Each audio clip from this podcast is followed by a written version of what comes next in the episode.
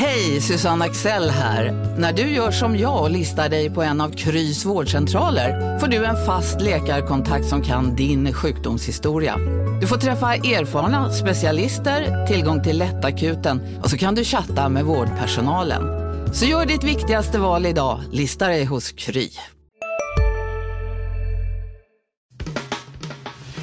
Analyspodden från Dagens Industri. Välkommen till Analyspodden, Dagens Industris podd om börs och aktier. Eh, idag eh, är det jag, Agneta Jönsson, som är med och min kollega Ulf Pettersson som pratar. Vad ska vi prata om idag, Ulf, tycker du?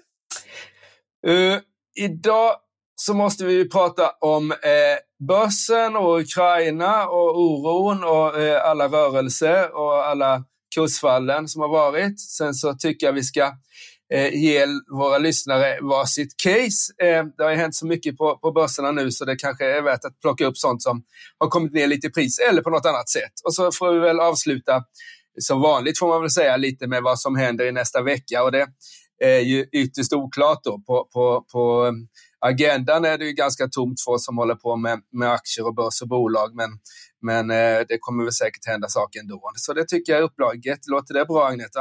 Jag tycker det låter utmärkt. Och vi kan väl tillägga det att klockan är 10 och eh, nu är börsen upp 0,3 procent. Men i veckan har det varit knappast lugnt. Eh, det är ner 6,5 procent faktiskt eh, denna veckan Eh, och 18 procent i år. Och OMXS30-index står i 2084 nu när vi pratar. Och det är ju som du säger, det är ju kriget och invasionen i Ukraina som är eh, det som har eh, oroar hela marknaden på alla plan här. Ja, visst är det så. Och det var ju... Eh, jag har suttit... Jag, jag, jag, har jobbat, jag, jag har jobbat mycket de senaste veckorna, men jag har inte jobbat mindre den här veckan, för det har varit så otroligt händelserikt. Och jag tycker jag har suttit vid skärmen mest hela tiden och följt det här. Och jag vet att om man backar bandet så, så hade vi ju en riktigt jobbig måndag Eh, eh, eh, hade vi eh, Ukraina-måndag får man väl säga. Sen så hade vi en, en rekyl uppåt en stund på tisdagen när man trodde att det var över när eh, Putin då förklarade de här utbrytarregionerna Luhansk och, Donetsk som självständiga. Och, och, men sen så började det igen då med, med, med, med, så att säga, och man har väl haft det här på känn att det inte skulle liksom sluta med det här Donetsk. Både om man tittar på börskurserna där vi har haft slag, svaga avslutningar varenda dag, vilket jag tycker är liksom ett, ett litet tecken på att det finns oro där ute. Plus att man visste väl att, att liksom, eh, Putin inte var beredd att ge bort, om man ska liksom prata i hans ordspråk, eh, Ukraina till NATO hur som helst. Men att, att det skulle bli den här totala invasionen och inte bara i de här liksom östra regionerna eh, som han pratade om tidigare i veckan utan även huvudstaden Kiev och, och anfalla från i alla fall tre riktningar. Det var ju något som inte marknaden eh, alls förväntade sig. Alla bedömare verkade ju vara överraskade. De enda som liksom pratade om det här egentligen var ju amerikanska underrättelsetjänsten som tydligen har väldigt bra information om vad som händer i Ryssland. Eh, så de ska man nog lyssna på mer eh, eh framöver här, tänker jag. Eh, men, eh, och då tyckte jag faktiskt att nedgången, eh, ja, du får avbryta mig Agneta om jag pratar för mycket här, för nu blir jag så exalterad, men jag tyckte att nedgången vi såg igår då, som 3% i början, bottnade på 5 och stängde ner 3, inte var så så farligt. Det var inte ens årets sämsta börsdag, för det var i, för precis en månad sedan när Fed hade räntebesked. Det hade kunnat bli en 8-10 procent också, men jag tror att, att anledningen att det inte blev 10 procent var att vi, som du sa inledningsvis Agneta, var ner eh, 10-15 procent innan, innan det här på året, alltså bara på de här knappt två månaderna. Så det gjorde att, att börsfallet inte blev så dramatiskt som jag tycker händelsen eh, föranledde, för det är en och det är så otroligt oklart vad det här händer. Är det liksom, eh, vad vill Putin? Blir det liksom, eh, kommer han liksom avsättas här? Och vi, eller eh, vad händer? Liksom, kommer han gå vidare? Det är ohyggligt svårt att, att, att liksom bedöma vad, hur, hur, det står till. Jag har alltid, eller alltid, jag har alltid, alltid tänkt på Putin varenda dag, så där, men jag har alltid trott att det var liksom en ganska, ska vi säga, stringent och kalkylerande och analyserande person, men senaste veckans händelseutveckling är ju inte alls från någon kalkylerad person utan verkar vara väldigt, ska vi säga, hetsk och, och, och dramatisk. Och det gör ju det hela, som du säger, väldigt mycket svårare att avgöra. Och det är ju inget som någon kan gissa. Det man däremot kan göra är ju att göra lite kalkyler ekonomiskt på det vi vet. Så att säga. Vi vet ju att euroområdet importerar nästan 40 procent av naturgas från Ryssland. Eh, där blir det ju störningar och det gör ju då att energipriserna stiger och sådana här saker. Så det här gaspriset som toppade innan jul, det är ju på väg upp igen med full fart. Nu sa ju EU idag här att de har säkrat sin, sitt behov av naturgas här under den här vintern, men drar det här ut på tiden, då fortsätter ju detta med höga energipriser som är inflationsdrivande. Eh, och det man kan gissa är väl att vi får ECB avvaktar ytterligare med räntehöjningar och kanske fortsätter att köpa mer obligationer så att det kommer en del ekonomiskt stöd till hushåll och företag i EU. Men det är ju mycket av det här eh, som man hade tänkt sig skulle komma nu med högre räntor, en väldigt stark konjunktur som kommer lite på skam och om det här är någonting som bara skjuts upp eller om det går över i sämre ekonomiskt läge. Eh, det har vi ju som du säger ingen aning om än, utan vi kan ju bara försöka gissa efter bästa förmåga. Ja, så är det. Om man tar eh, gas, eh, gasen från Ukraina till Europa så får vi vara tacksamma att vi går mot en vår här då, liksom behovet av, av ska vi säga, energi är lite mindre när det är minusgrader och kallt. Eh, så det är bra, men visst, det kommer vara stökigt. Men det där känns ändå som att man kanske kan hantera på något sätt. Man får väl liksom eh, samarbeta mer över länderna på olika sätt och sådär. Utan det som vi inte vet är ju här konjunkturutvecklingen. Då. Dels så vet vi inte, det beror ju helt på vad som händer i Ukraina om det lägger sig. Men och vad som händer liksom. Kommer, kommer man konsumera mer? Blir man mer försiktig som privatperson? Kommer företagen så att säga eh, hålla inne på planerade investeringar, vilket då skulle sänka konjunkturutsikterna? Det är ohyggligt osäkert läge igen. Eh, och sen har vi som du var inne på Agneta, hur kommer hur kommer staterna så att säga respondera på det här? Både både ska jag säga, militärt men även hur man kommer stödja det här ekonomiskt. Eh, och vi var ju inne i en period efter fantastiskt stora statliga stöd eh,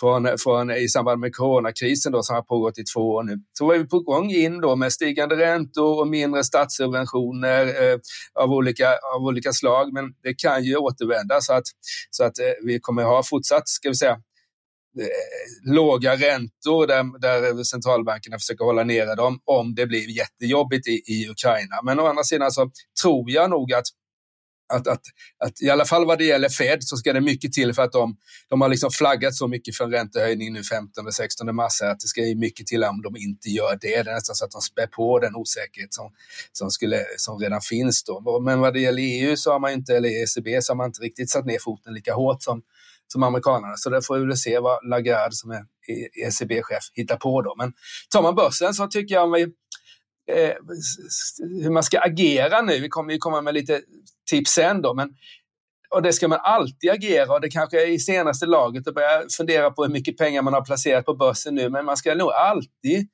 eh, palla med en nedgång på 25 procent. För det kan komma som en blixt från klar, klar himmel. Vi som har varit med lite grann vet då 98, Rysslandskrisen den gången, hur det påverkade eh, europeiska börser och sen så kommer det lite Lehman och sen så kan det komma sådana här long term capital management, någon gammal hedgefond från 90-talet. Att, att, att 25 procent ner på en börs på någon månad eller två är liksom, det händer inte varje år, men det händer kontinuerligt. Så det ska man alltid vara beredd att liksom, klarar man inte av det så har man för mycket aktier på börsen eller på aktier, aktier i sin förmögenhet.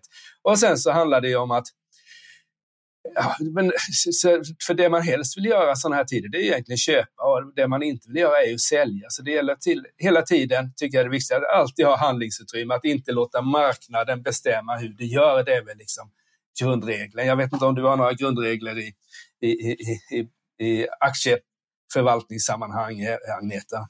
Det jag tycker är särskilt viktigt när vi är i en svagare marknad som vi faktiskt är nu, det är det där klassiska, se upp för de här fallande knivarna, köp kvalitetsbolag, håll er borta från sådant som verkar billigt. Ett praktexempel nu är ju SAS som kom med rapport i veckan här, där man nu behöver se över sin skuldsituation igen.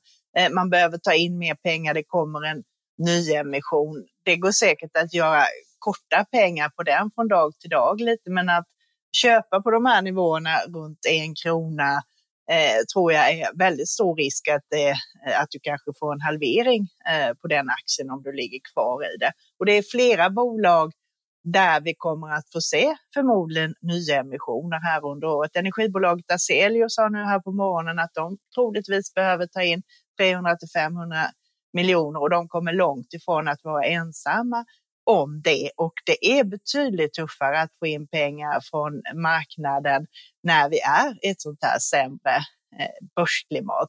Så håll ögonen på det. Plus att, som du säger, riskhanteringen är jätteviktig. Att vara medveten om att vilka pengar man har på börsen, dra ner på risken och kanske minska på positionerna, helt enkelt att man skalar av eh, de innehav man har för att ha lite pengar i reserv. Ja, precis så är det. Så man ska ju, liksom, man ska ju försöka köpa när det är lågt och sälja när det är högt. Så då skulle man ju egentligen ha, och det är lätt, det är lätt och nästan lite självgott att sitta här och säga att man skulle sålt den 4 januari efter det här fantastiska jul och nyårsrallyt vi hade, all time high liksom. Och det var liksom, alla värderingar var stretchade både på liksom faktiskt lite valuebolag och men framförallt på tillväxtbolag. Och så skulle man då passat på att köpa nu när det är halverade kurser för, för en hel del bolag här senaste, senaste månaderna. Eh, så är det. Men eh, ja, jag håller med dig. Om jag får flika in lite i det du sa Agneta, vilket jag tycker var väldigt klokt, så var det ju det här att titta på bolagens finanser och jag tycker även man ska titta på bolagens eh, eh ägarlista eh, som finns tillgänglig på bolagens hemsidor och andra ställen. Att är det bolag i denna miljö med liksom Avanza Pension och Nordnet Pension och massvis av privatsparare som äger merparten av av bolaget, då blir det ju mycket, mycket jobbigare att eventuellt ta in pengar än om det finns liksom pensionsfonder som alltid har pengar tillgängliga eller kapitalstarka eh, eh, huvudägare och grundare som också skulle vara beredd. Det, är ett, det kan bli väldiga, om vi tar det här Celius som jag inte riktigt påläst på då, så, men det är klart att det kan ju bli en rejäl rabatt på den där emissionen. Det kommer ju trycka i så fall kursen ännu mer än vad den eh, är tryckt här på morgonen. Jag tyckte jag såg mig att den var ner en 25 25 procent innan vi gick in i, i studien och tittade. Ja, 25 procent. Det kommer ju också att finnas eh, bolag faktiskt som är köpvärda under resans gång. Vi har ju tittat på vad sätt. Eh, ska vi prata om det nu tycker du? Det tycker jag. Och eh, damerna först som det heter, så kör igång du Agneta. Då kan jag prata lite om Handelsbanken. Jag träffade ju deras vd Karina Åkerström här i veckan och skrev en stor intervju i tidningen.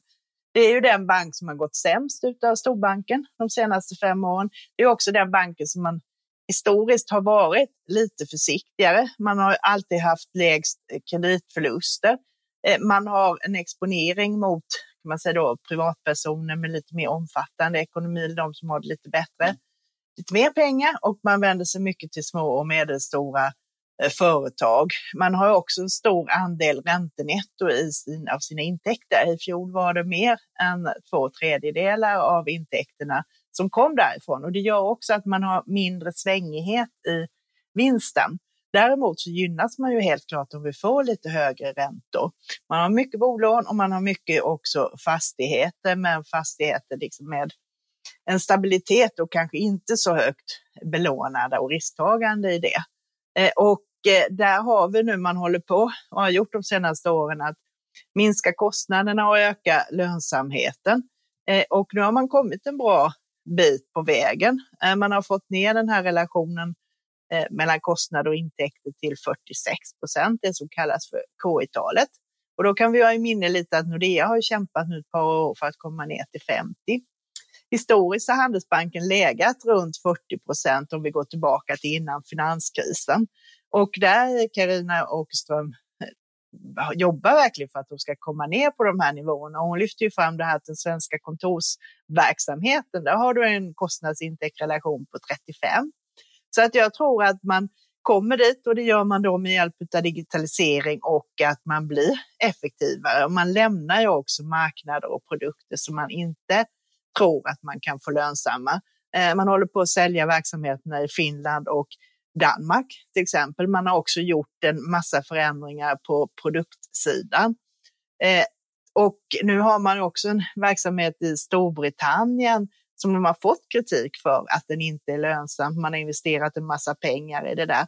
Men där var hon också väldigt övertygad om att det kommer att bli bra. Där har de också väldigt nischade mot eh, privatpersoner som har gott om pengar och företagare ute i landet. Man har nästan lika många kontor i Storbritannien som man har i Sverige, det vill säga runt 200.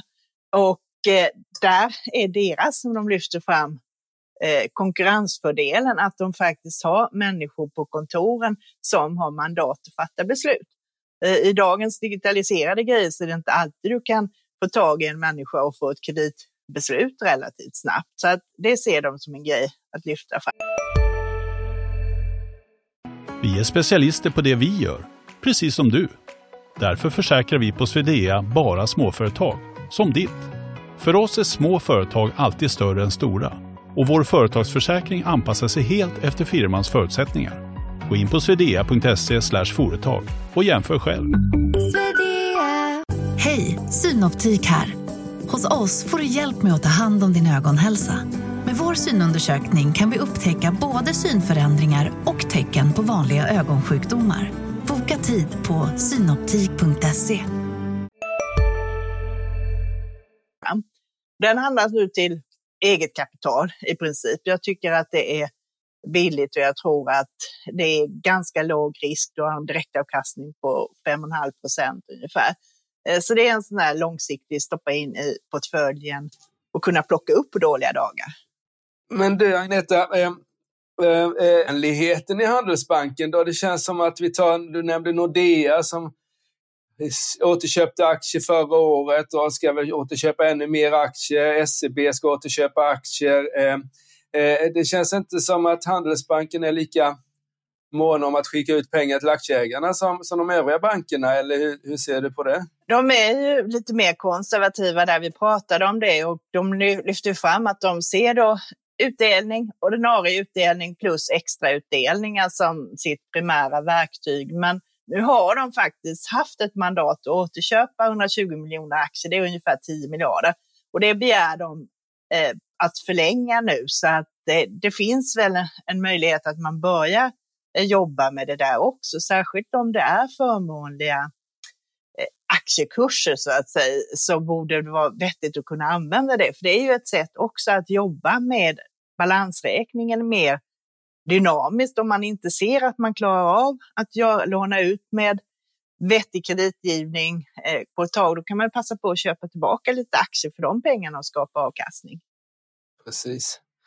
Bra, så eh, Handelsbanken, ja. eh, på kort sikt så vågar du inte säga så mycket för det beror på omvärlden, men på lång sikt bör den eh, ge bra avkastning för att eh, den är lågt värderad i förhållande till risk och, och, och, och avkastning på eget kapital och sådär. Ja, så ett försiktigt case. Man har också, vad jag eh, har lyckats utröna i alla fall, väldigt ingen direkt exponering mot Ryssland eller de här områdena, Ukraina och det här som, som skapar lite osäkerhet vad det gäller eh, Swedbank och Eh, SEB nu som har sina stora verksamheter i Baltikum som kan påverkas lite och Nordea som har en stor verksamhet i Finland som i sin tur då har eh, kopplingar mot Ryssland. Så att eh, det känns som att DNB och Handelsbanken är de som är, håller sig borta från det här osäkerhetsmomenten i den regionen också.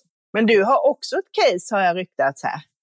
Ja, eh, jag satt och Eh, tittade lite på kurserna här och de rörelser som har varit eh, både sedan pandemin, det är två år sedan precis idag då, så det är ganska kul att köra en tvåårs eh, eh jämförelse och även sedan årsskiftet. Och det finns en del som har kommit ner omotiverat mycket. Det är väl det jag tycker man ska tänka här, att det är lite ett, ett nytt läge liksom när det blir de här fallen. Att, och då kanske man ska liksom ompröva allihopa. Det finns liksom den portfölj man ägde så att säga för ett år sedan har ju förändrats så mycket i värde. En del har stigit, en del har sjunkit eh, och sådär. Så att man kanske ska ompröva alla, alla aktier och se om det finns bättre aktier att äga. Och någon sån där som jag inte alltid har gillat, men som jag tycker har kommit ner ganska mycket i pris nu, är, är faktiskt NCC, den är eh, byggbolaget. Den är ner 25 procent sen före pandemin. Eh, börsen är trots de här Ukraina-fallen så är vi fortfarande upp en 13-14 procent är det väl på två års sikt nu. Eh,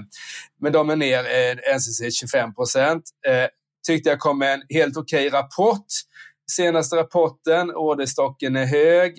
Eh, bolaget är övertygat om att de redan nästa år ska tjäna 16 spänn på aktier. Den står väl i, det var väl ner mot 130 här ett tag, så då var det liksom P8 på det där. Och tittar man hur Ukraina ska slå mot världen då så känns det ju ändå som att bolag som har sin verksamhet i Norden då, så här, i synnerhet Sverige, bör klara sig liksom lite bättre än omvärlden, eh, eller ska säga globala företag där det kan bli mer stökigt. Så eh, jag tycker det är ett litet safe bet och sen tyckte jag det var lite uppmuntrande att eh, eh Thomas Karlsson som är VD på eh, eh NCC köpte aktier för 2,3 miljoner här. Jag vet inte, den, den flaggades i i, igår vid tio tiden när det var ras på börsen. Jag vet inte om han köpte där eller om han köpte dagen innan, men eh, oavsett så är, tycker jag 2,3 miljoner, det beror på vem som köper det. Om det hade varit Ilja Batljan så hade det nästan varit negativt för det var en så liten pengar. Men med vanliga människor så är 2,3 miljoner rejält med pengar. Så det tycker jag var en positiv signal. Så,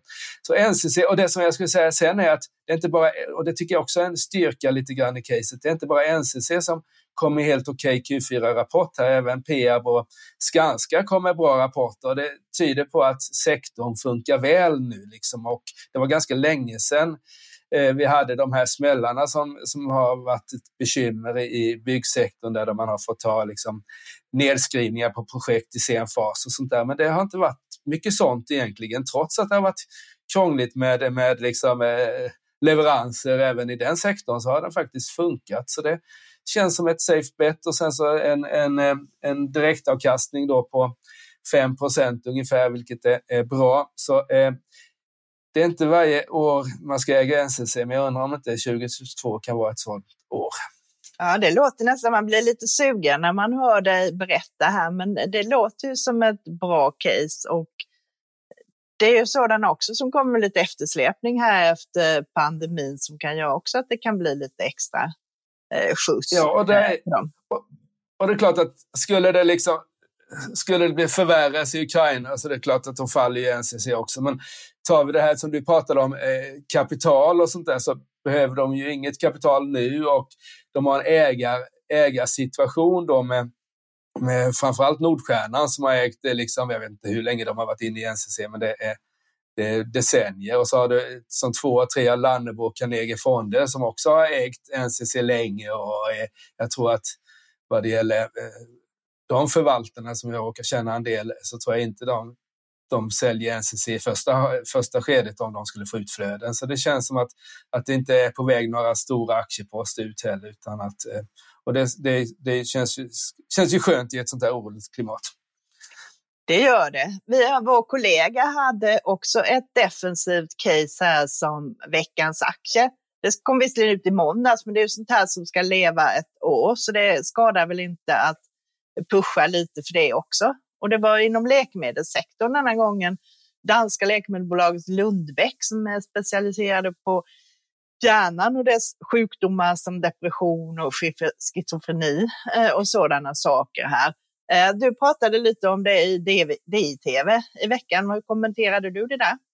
Ja, det är Rickard som, som skrev artikeln, så jag eh, beskrev väl vad han skrev helt enkelt. Men eh, jag, tycker, jag tycker jag läser den och jag tittade lite på bolaget. tycker liksom eh, Borås kan vara något på spåren där, eh, Rickard. Eh, det är lite, ska jag säga, lite AstraZeneca eh, post Losec-läge här, att eh, Lundbeck har blivit av med ganska stora patent och fallande omsättning. Eh, eh, eh och sådär. Och framförallt fallande aktiekurs. Eh, och så har de då gör lite av en nystart här och har gjort ett lite större förvärv och sådär. Så det är, och tittar man hur liksom Astra, eh, nu ska jag säga att det inte att det måste bli så då, men, men aktiekursen är så pass lågt värderad här att, att det är liksom förväntningarna på att Lundbeck ska leva ett, ett liv efter de här patentutgångarna är, är, eh, är så att säga väldigt lågt värderade och då kan det bli någonting. Och det är ett värdebolag då med låg värdering och det är också skönt för det som händer i, i de här orostiderna vi har haft nu de senaste två månaderna är att alla P tal går ihop lite grann. Att liksom Sinch P tal eh, går då från 100 ner mot 30 kanske eller 25 medans och närmar sig de här värdetillväxtbolagen och då ska man ju ha, eller värdebolagen och då ska man inte ha tillväxtbolag utan bolag som är värderade som värdeföretag och då har vi Lundbeck. Så det var väl det som Bråse såg och eh, tycker jag eh, var en bra spaning. Så den, den tillhör vårt tredje aktiecase av, av i dagens analyspodd då, Agneta. Ja, och jag tänkte jag skulle komma med en liten uppdatering också på en veckans aktie som jag skrev i december som inte har blivit så rolig, nämligen Storytel som hade gått ner kraftigt då, när man redan då började stuka om från tillväxt till värde med tanke på oro för räntehöjningar och sådant. Men nu har det fallit på ganska ordentligt här i samband med förra veckans rapport. Så förra fredagen så meddelade ju grundaren och vdn då, Johan Tillander att han lämnar och vice vd Ingrid Bojner tar över. Det, då föll aktien 24 procent och det kanske inte är rimligt på ett vd-byte. Men man ställde också till lite oreda. Det var en lite svagare rapport än väntat. Man upphör med att ge prognoser för antal betalande prenumeranter, vilket man har gjort förut, vilket har varit lite hjälp till analytikerna. Man har också målet med att streamingintäkterna ska öka 30 till 34 procent, inklusive det här stora förvärvet av amerikanska audiobook som man gjorde i höstas, vilket man betalade en och en halv miljard för. Eh, och det kan vara lite, lite mot vad man hade väntat sig. Jag hade väntat mig att eh, försäljningen skulle öka eh, 40 procent i år. Eh, jag tror att alla som tittade på det kanske blev lite besvikna på det, men inga stora grejer. Men det man blev lite osäker över, det var att man också sett som en spännande grej att man har ett samarbete med Spotify som aviserades förra våren, men sen har skjutit upp. Nu var det meningen att det skulle komma igång här under första halvåret i år, men nu säger man att man gör en översyn av det där och då blir man ju lite orolig om det här liksom blir en tumme, det händer ingenting med det. Så att eh, det har också bidragit till att sänka aktien. Eh, de guidade också för att de har ett mål på ebitda-marginalen på minus 3 till 0 i år och jag hade minus 3,4 så att det påverkar inte så utan caset finns kvar men det är just den här synen på bolag som än så länge inte går med vinst och värderas högt som ställer till oreda här. Så att nu handlas Storytel till 1,4 gånger årets förväntade försäljning. Eh, tidigare har det legat liksom upp mot 3,5-4 gånger.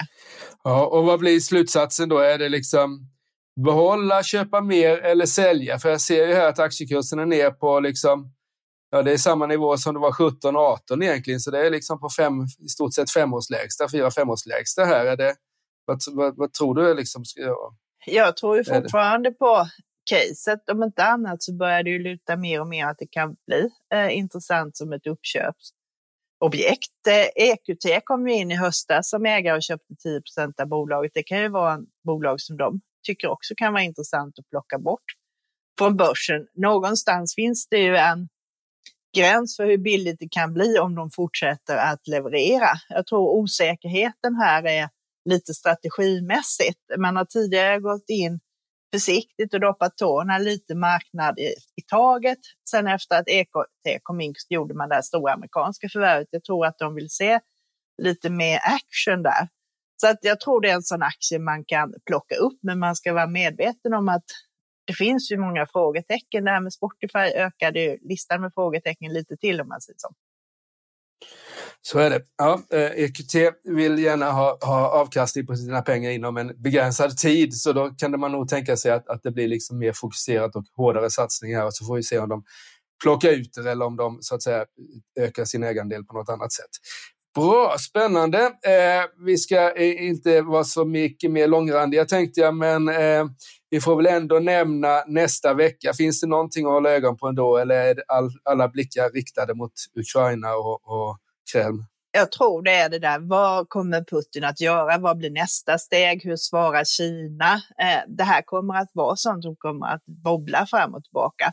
Och snarare så är det inte nästa vecka utan blickarna är nog riktade mot eh, Feds möte den 16 mars. Hur agerar de där? Eh, nu backar man tillbaka. Innan trodde de flesta att det skulle bli en höjning på en halv procent. Nu kanske det blir 025. Vad kommer de att säga om det här? Så jag tror att man du har eh, 16 mars som ett viktigt datum och under tiden där så är det väldigt mycket fokus på vad Putin gör och vad som händer i Ukraina. Så är det. Och jag tycker nog eh, vad det gäller sina aktieplaceringar, om man inte har någon liksom, ska vi säga, kortsiktig leklåda i portföljen så ska man väl hoppas på det bästa, men jag tycker man ska ta höjd för det värsta så man inte råkar illa ut. Eh, och bevaka, bevaka sina innehav. Eh, och så där. Och så får man inte passa, får man också inte glömma bort att ta ledigt också och vila upp efter denna väldigt händelserika och eh, faktiskt på, på många sätt eh, märkliga och tråkiga och lite oroande vecka också och se till att man är fit for fight nästa måndag när, vi, när marknaderna kör igång igen och så man kan lyssna på Analyspodden nästa fredag också igen. Då vi har ett nytt avsnitt med mer om börsen som har varit och nya aktietips. Så, då ska vi bara eh, önska tack, tack eh, eh, Agneta och sen ska vi också påminna om våra eh, eh, systerpoddar också. Vi har ju ett antal sådana igång. Det har vi. Vi har ju Makrorådet som de spelar in ett färskt avsnitt i veckan här och vi har ju Morgonkoll som är en viktigare nu att lyssna på varje morgon.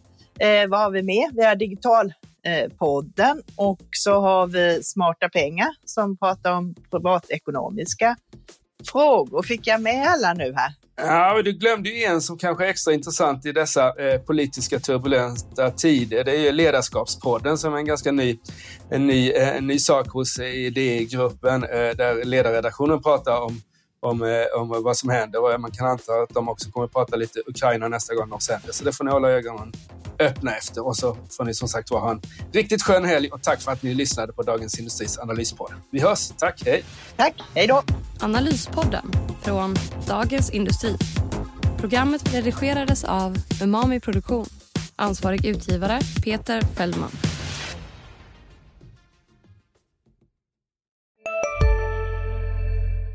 Välkommen till Maccafé på utvalda McDonalds restauranger med Baristakaffe till rimligt pris. Vad sägs om en latte eller cappuccino för bara 35 kronor? Alltid gjorda av våra utbildade baristor. En nyhet. Nu kan du teckna livförsäkring hos Trygg-Hansa. Den ger dina nära ersättning som kan användas på det sätt som hjälper bäst. En försäkring för dig och till de som älskar dig. Läs mer och teckna på trygghansa.se. Trygg Hansa. Trygghet för livet.